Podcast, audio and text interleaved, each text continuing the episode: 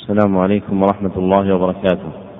الحمد لله ربنا وأشهد أن لا إله إلا الله وحده لا شريك له وأشهد أن محمدا عبده ورسوله أما بعد فهذا هو الدرس السابع عشر من برنامج الدرس الواحد السابع والكتاب المقروء فيه هو العجالة البديعة الغرر للعلامة محمد المتولي رحمه الله. وقبل الشروع في إقرائه لا بد من ذكر مقدمتين اثنتين. المقدمة الأولى التعريف بالمصنف وتنتظم في ثلاثة مقاصد. المقصد الأول جر نسبه هو الشيخ العلامة المقرئ محمد بن أحمد ابن الحسن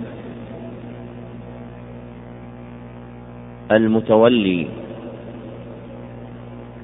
القاهري الضرير.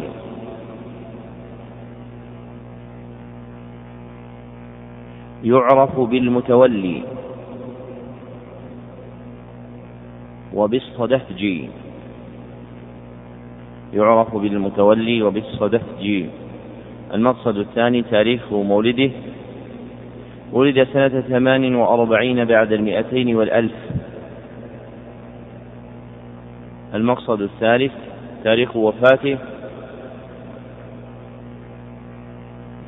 توفي رحمه الله يوم الخميس الحادي عشر من شهر ربيع الأول.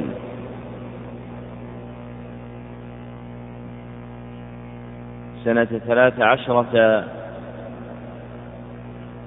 بعد الثلاثمائة والألف. وله من العمر خمس وستون سنة. فرحمه الله رحمة واسعة. المقدمة الثانية التعريف بالمصنف وتنتظم في ثلاثة مقاصد أيضا. المقصد الأول تحقيق عنوانه اسم هذه الرسالة العجالة البديعة الغرر في أسانيد الأئمة القراء الأربعة عشر.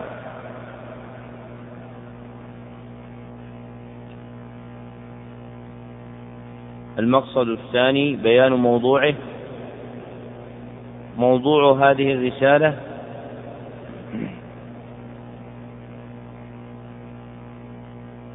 تحقيق كون القراءات مروية عن رسول الله صلى الله عليه وسلم.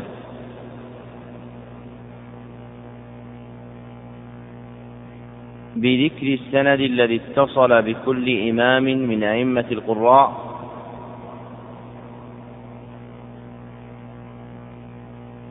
برسول الله صلى الله عليه وسلم. المقصد الثالث توضيح منهجه.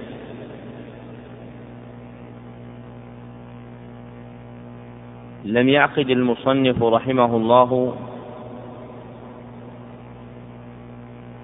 تراجم يميز بها مقاصد رسالته.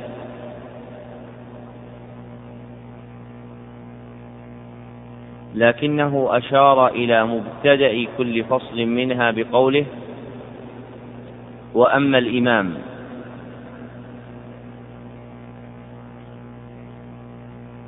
ثم يذكر أحد أئمة القراء.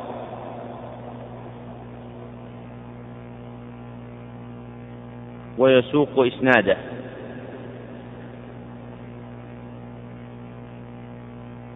ولما استكمل عدتهم رفع سند قراءتهم من رسول الله صلى الله عليه وسلم إلى رب العالمين.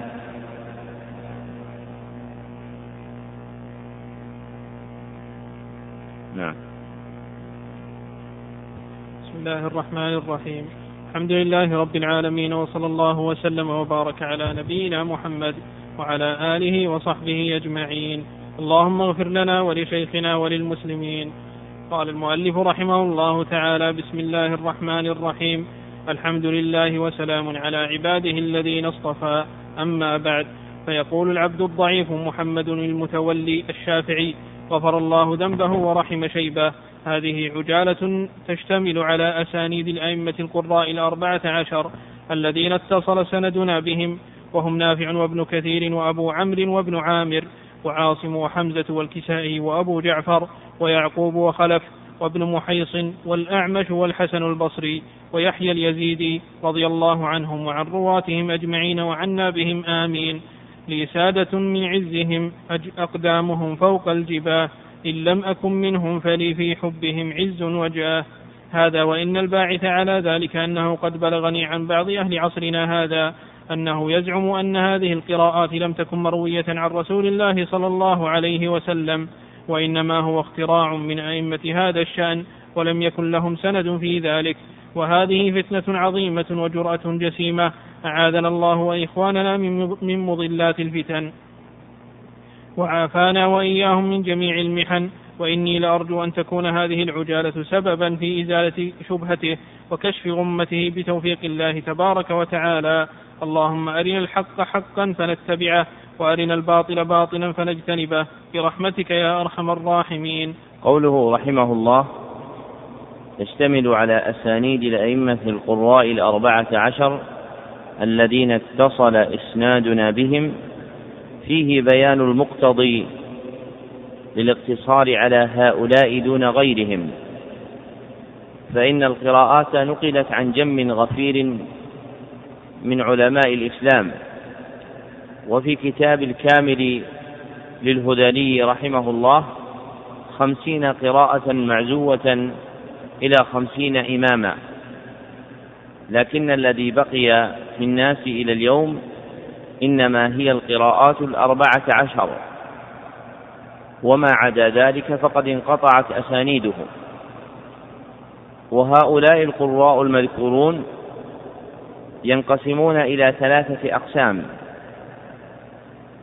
القسم الأول القراء السبعة.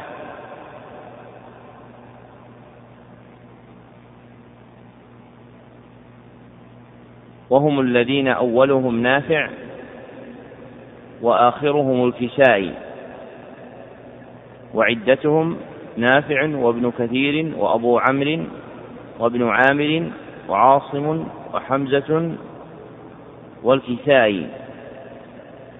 والقسم الثاني القراء الثلاثة. وهم أبو جعفر المعروف بالمدني ويعقوب وخلف البزار. المعروف بالعاشر. والقسم الثالث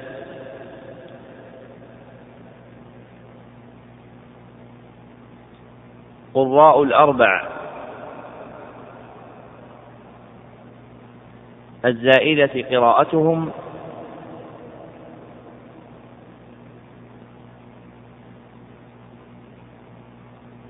على العشرة المتقدمين.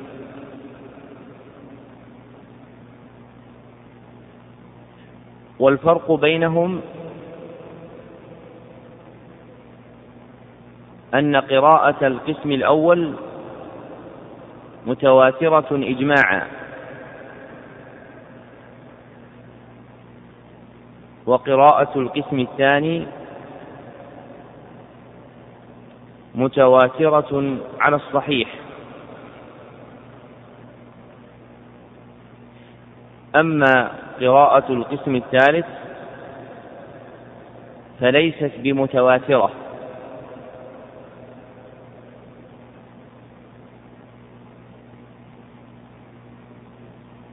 ومن أهل القراءات من يعدها شاذة.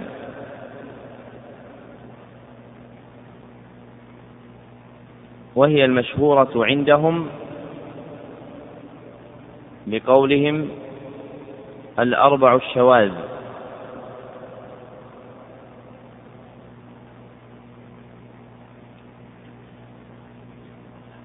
وقد أشرت إلى القسمين الأولين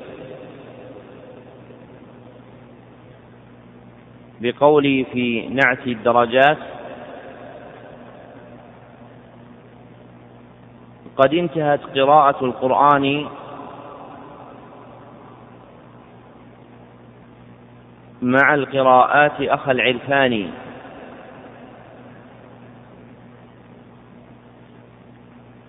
لثلة سموهم بالعشرة.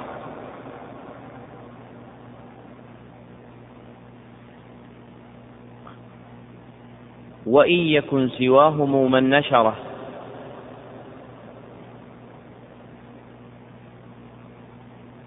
لكنهم تفردوا بالشهرة.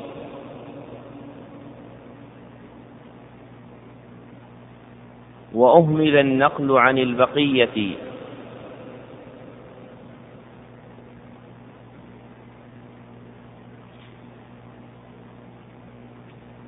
بل منهم من عد غير السبعة.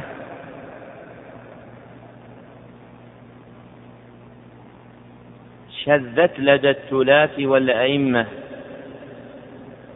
بل منهم من عد غير السبعة. شذت لدى الثلاث والأئمة.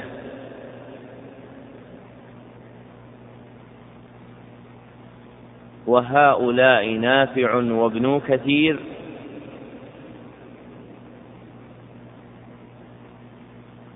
وابن العلاء وابن عاصم البصير وابن عامر البصير. وهؤلاء نافع وابن كثير. وابن العلاء وابن عامر البصير. فعاصم من بعدهم فحمزة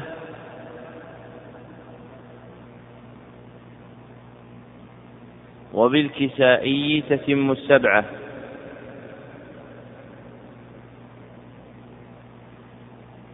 والمدني ثم يعقوب اكتفى والمدني ثم يعقوب اكتفى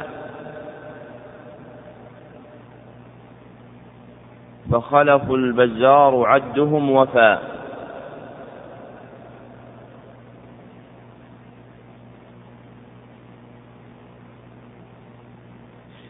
وأما الأربعة الباقين فقد أشرت إليهم في موضع آخر بقول قراءة الأربع فوق العشرة.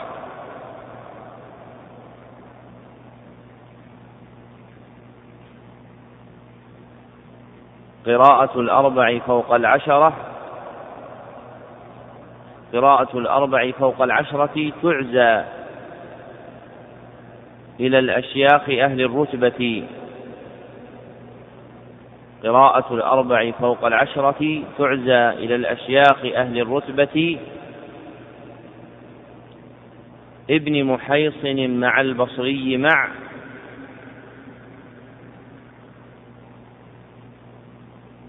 يحيى اليزيدي والأعمش اتبع ابن محيصن مع البصري مع يحيى اليزيدي والأعمش اتبع وهؤلاء القراء كل واحد منهم تلقى قراءته عمن سبقه فإن القراءة سنة متبعة كما قاله زيد بن ثابت رضي الله عنه وغيره فلا تكون القراءة بمجرد قياس أو لغة بل لا بد أن يقرأ القارئ بحرف تلقاه فإن علم القراءات مبني على التلقي وليس فيه شيء بحمد الله خرج عن التلقي عن رسول الله صلى الله عليه وسلم. وهذه الطريق تعرف بطريق نقل القراءات. وهي طريق صحيحة فإن القراء تلقوا قراءتهم بالأسانيد المتصلة إلى رسول الله صلى الله عليه وسلم وما ثبت لديهم مقروءا به فهو ثابت النسبة إلى رسول الله صلى الله عليه وسلم. وهذه القاعدة نافعة في مسائل عدة. منها أن الأحاديث المروية بالاستعاذة أي صفتها عند قراءة القرآن لا يثبت منها شيء. لكن ثبت بطريق نقل القراءات الاستعاذة بقول أعوذ بالله من الشيطان الرجيم. فإن القراء مطبقون على الاستعاذة بهذه الصيغة. ومنها التكبير في آخر القرآن عند قصال المفصل. فإن الرواية فيها من جهة النقل الحديثي ضعيفة. لكن باعتبار نقل القراءات لا ملية في صحتها.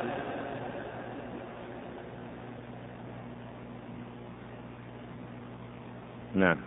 الله إليك. فأما الإمام نافع رضي الله عنه وقرأ على سبعين من التابعين منهم أبو جعفر سيأتي سنده وعبد الرحمن بن هرمز الأعرج ومسلم بن جندب ومحمد بن مسلم بن شهاب الزهري وصالح بن خوات وشيبة بن نصاح بكسر النون ويزيد بن رومان وقرأ الأعرج على عبد الله بن عباس وأبي هريرة وعبد الله بن أبي بن عياش بن أبي ربيعة المخزومي وقرأ مسلم وشيبة وابن رومان على عبد الله بن عياش بن أبي ربيعة أيضا وسمع شيبة القراءة من عمر بن الخطاب. قوله رحمه الله وسمع شيبة القراءة من عمر بن الخطاب. نقل القراءات يكون تارة بالعرض على الشيخ وهو الذي يعبرون عنه بقولهم وقرأ فلان على فلان. فيكون القارئ قد قرأ القرآن على شيخه. ويعبرون أيضا بقولهم سمع القراءة من فلان. يريدون أنه حضر قراءته تامة فسمع القرآن من أوله إلى آخره من ذلك المقرئ ولم يقرأ عليه بل نقله بسماع تلاوته وهي دون المرتبة الأولى. ودون هذه المرتبة سماعه للحروف. والمراد بالحروف عندهم هي أفراد الكلمات القرآنية التي اختلف فيها نقل القراء.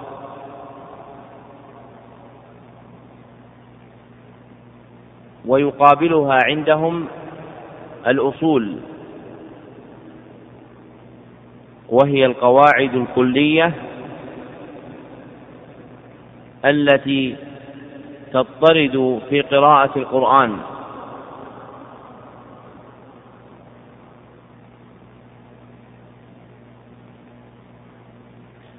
فمثلا قولنا قرأ ورش ملك يوم الدين. هذا من الحروف لتعلقه بكلمة قرآنية. وقولنا قرأ ورش بإشباع المد المتصل والمنفصل.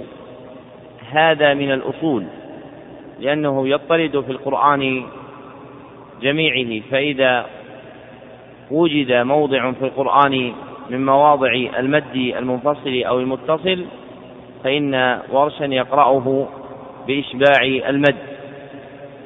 وقوله هنا وسمع شيبة القراءة من عمر بن الخطاب هذا على قول عند نقلة القراءات. والقول الثاني أنه لم يسمعه وهو الصحيح لأنه لم يدركه. وإنما أخذ شيبة قراءته بالعرض على عبد الله بن عياش بن أبي ربيعة. وعبد الله بن عياش قرأ على أبي هريرة رضي الله عنه. نعم. أحسن الله إليك.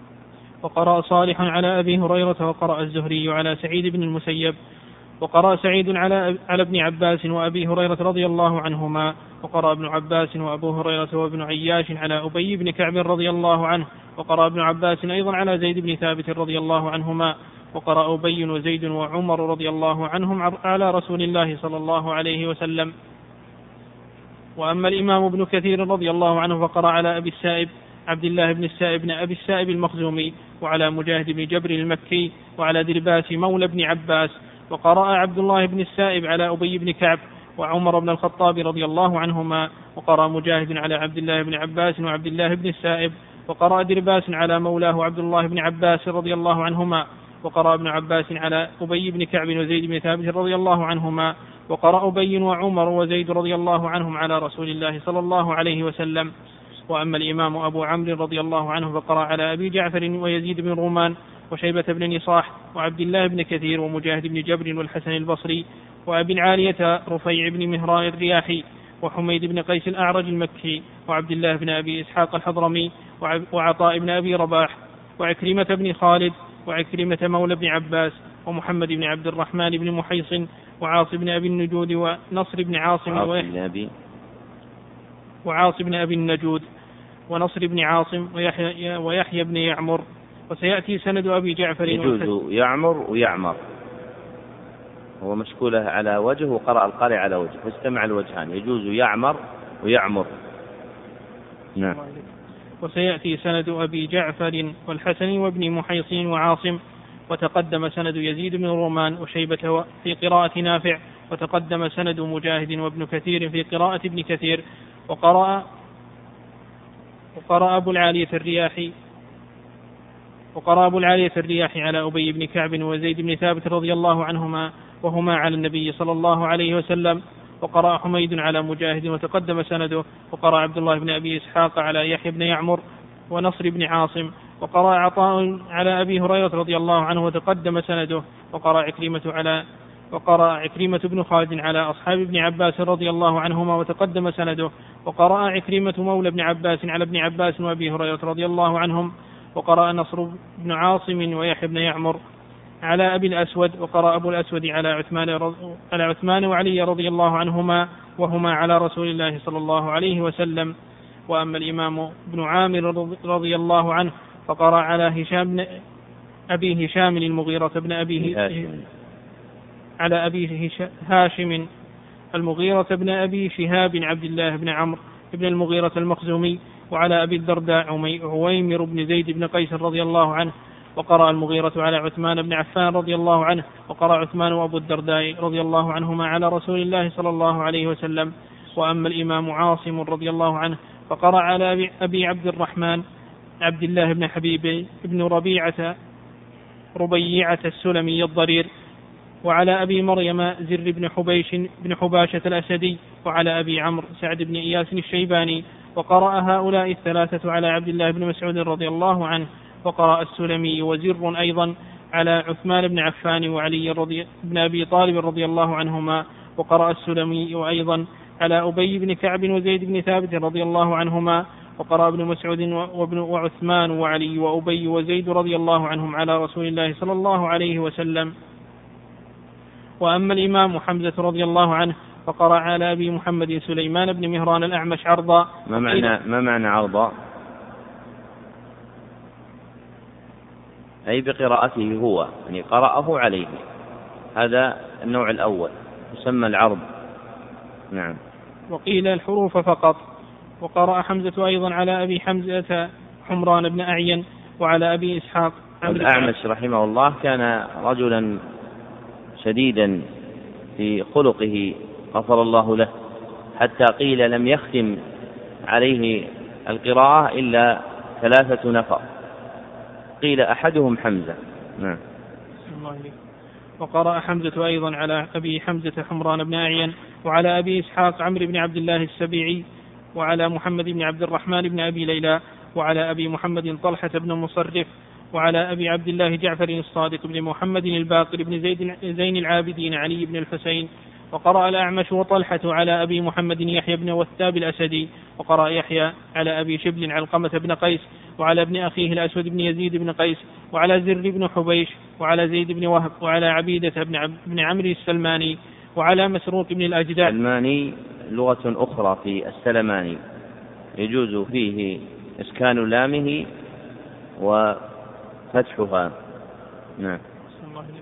وقرأ حمران وقرأ حمران على أبي الأسود الدؤلي وتقدم سنده وعلى عبيد بن نضلة وقرأ عبيد على علقمة وقرأ حمران أيضا على محمد الباقر وقرأ أبو إسحاق على أبي عبد الرحمن السلمي وعلى زر بن حبيش وتقدم سندهما وعلى عاصم بن ضمرة وعلى وعلى الحارث بن عبد الله الهمداني وقرأ عاصم والحارث على علي رضي الله عنه وقرأ ابن أبي ليلى على المنهال بن عمرو وغيره وقرأ المنهال على سعيد بن جبير وتقدم سنده وقرأ علقمة والأسود وابن وهب ومسروق وعاصم بن ضمرة والحارث أيضا على عبد الله بن مسعود رضي الله عنه. قوله وقرأ المنهال على سعيد بن جبير وتقدم سنده يشير إلى ما ذكره آنفا بقوله وقرأ عكيمة بن خالد على أصحاب ابن عباس وسعيد من أصحاب ابن عباس. فهذا معنى قوله وتقدم سنده. وإن لم يكن سعيد قد ذكر باسمه فيما سلف لكنه مندرج في جملة أصحاب ابن عباس الذين ذكرهم عندما قال وقرأ عكرمة بن خالد على أصحاب ابن عباس. نعم. وقرأ جعفر الصادق على أبيه محمد الباقر وقرأ الباقر على أبيه زين العابدين وقرأ زين العابدين على أبيه سيد سيد شباب أهل الجنة الحسين. وقرأ الحسين على أبيه علي بن أبي طالب رضي الله عنهم. وقرأ علي وابن مسعود رضي الله عنهما على رسول الله صلى الله عليه وسلم.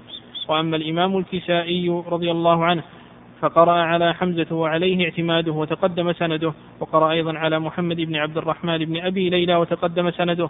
وقرأ أيضا على عيسى بن عمر بن عمر الهمداني. وروي وروي أيضا وروى. وروى أيضا الحروف عن أبي بكر بن عياش وعن إسماعيل بن جعفر وعن زايدة بن قدامة. وقرأ عيسى بن عمرو بن عمر. وقرأ عيسى بن عمر على عاصم وطلحة بن مصرف والأعمش تقدم سندهم وكذلك قرأ أبو بكر بن عياش وقرأ إسماعيل بن جعفر على شيبة بن نصاح ونافع وتقدم سندهما مكتوب جعفر. والصحيح أنها ليست ممنوعة من الصرف. فيكون جعفر مثل ما قرأ القارئ. نعم. وقرأ إسماعيل بن جعفر على على شيبة بن نصاح ونافع تقدم سندهما وقرأ أيضا على إسماعيل بن سليمان بن مسلم بن جماز. جماز. جماز. بن سليمان بن جماز. سليمان بن مسلم بن جماز. وعيسى بن وردان وقرأ يعني ابن جماز وابن وردان على أبي جعفر وسيأتي سنده. وقرأ زائدة بن قدامة على الأعمش وتقدم سنده. وأما الإمام أبو جعفر رضي الله عنه فقرأ على مولاه عبد الله بن عياش بن أبي ربيعة المخزومي وعلى الحبر بن, عب بن عباس الهاشمي وعلى أبي هريرة رضي الله عنهم وقرأ هؤلاء الثلاثة على أبي المنذر أبي أبي بن كعب الخزرجي رضي الله عنه. وقرأ أبو هريرة وابن عباس أيضا على زيد بن ثابت رضي الله عنهم. وقيل إن أبا جعفر قرأ إن أبا جعفر قرأ على زيد نفسه.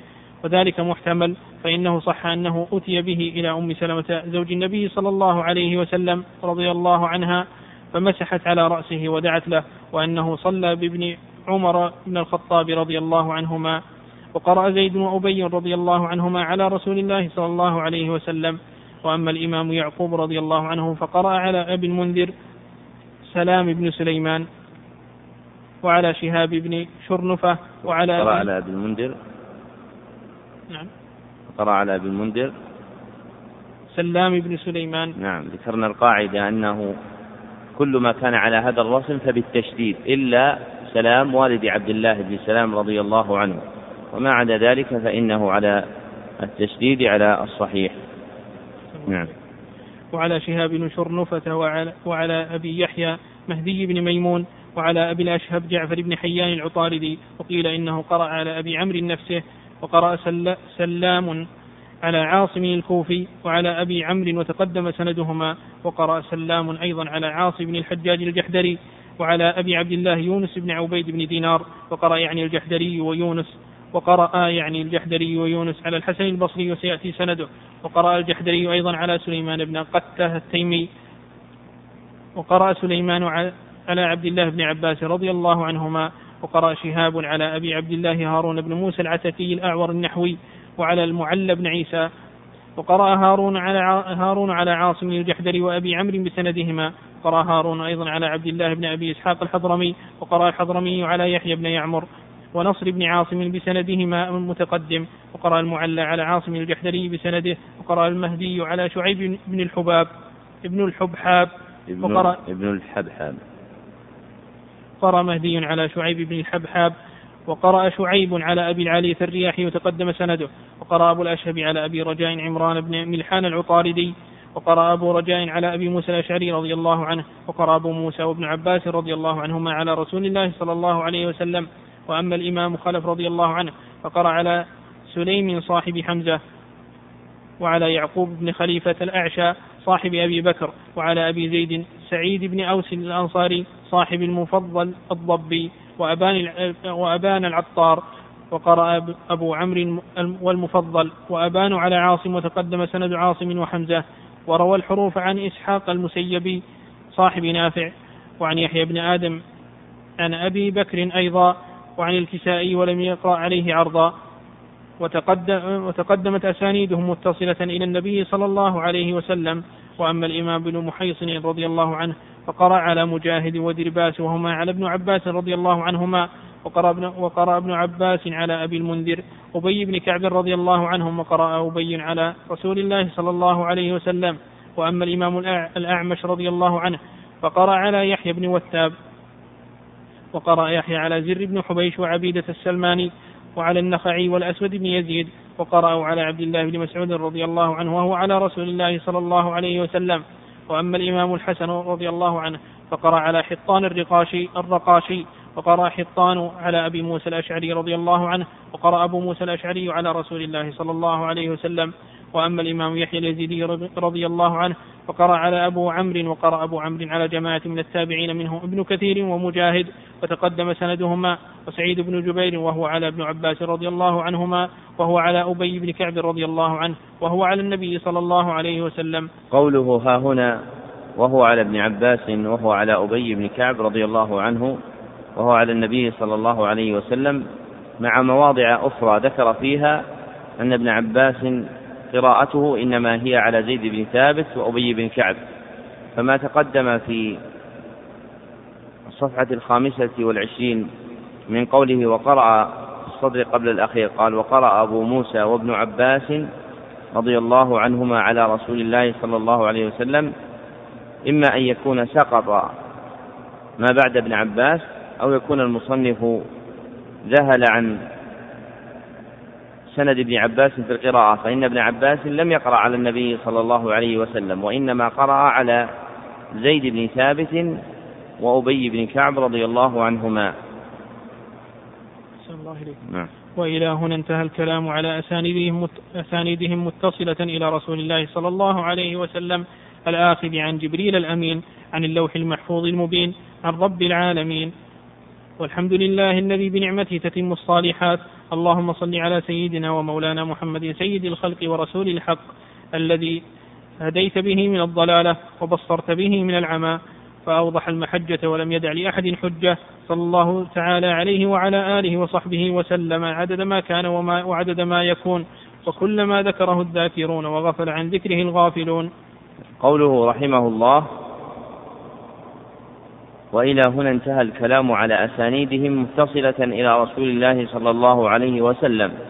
فكل هؤلاء القراء تنتهي أسانيدهم مع اختلاف طرقها إلى الرسول صلى الله عليه وسلم. وهو صلى الله عليه وسلم أخذ قراءته عن جبريل الأمين عليه السلام.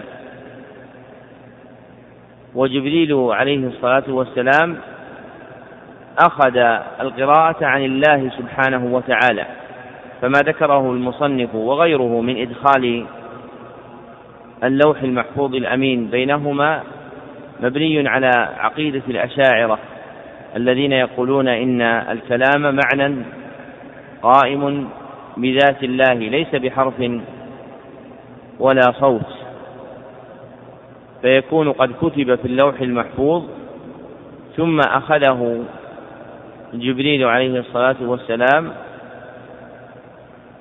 وقرأه فسمعه منه النبي صلى الله عليه وسلم.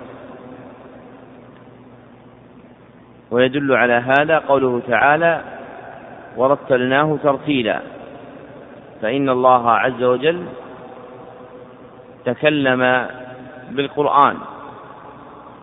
وكما قال الله عز وجل وإن أحد من المشركين استجارك فأجره حتى يسمع كلام الله يعني القرآن. وسمعه جبريل عليه الصلاة والسلام من ربه عز وجل ثم أقرأه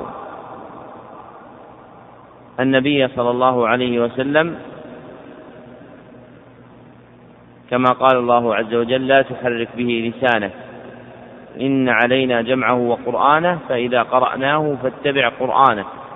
أي إذا قرأه جبريل عليه الصلاة والسلام وهو يعلمك القرآن فاتبع قراءة جبريل عليه الصلاة والسلام. فينبغي أن يكون إسناد القراءة بأن يقال على أسانيدهم متصلة إلى رسول الله صلى الله عليه وسلم الآخذ عن جبريل الأمين عن رب العالمين. دون إدخال اللوح المحفوظ بينهما. واستقرار هذا في الإجازات لا يعني صحته فإنه حادث فيها. وهذا آخر التقرير على هذا الكتاب. والله أعلم. وصلى الله وسلم على عبده ورسوله محمد وآله وصحبه أجمعين.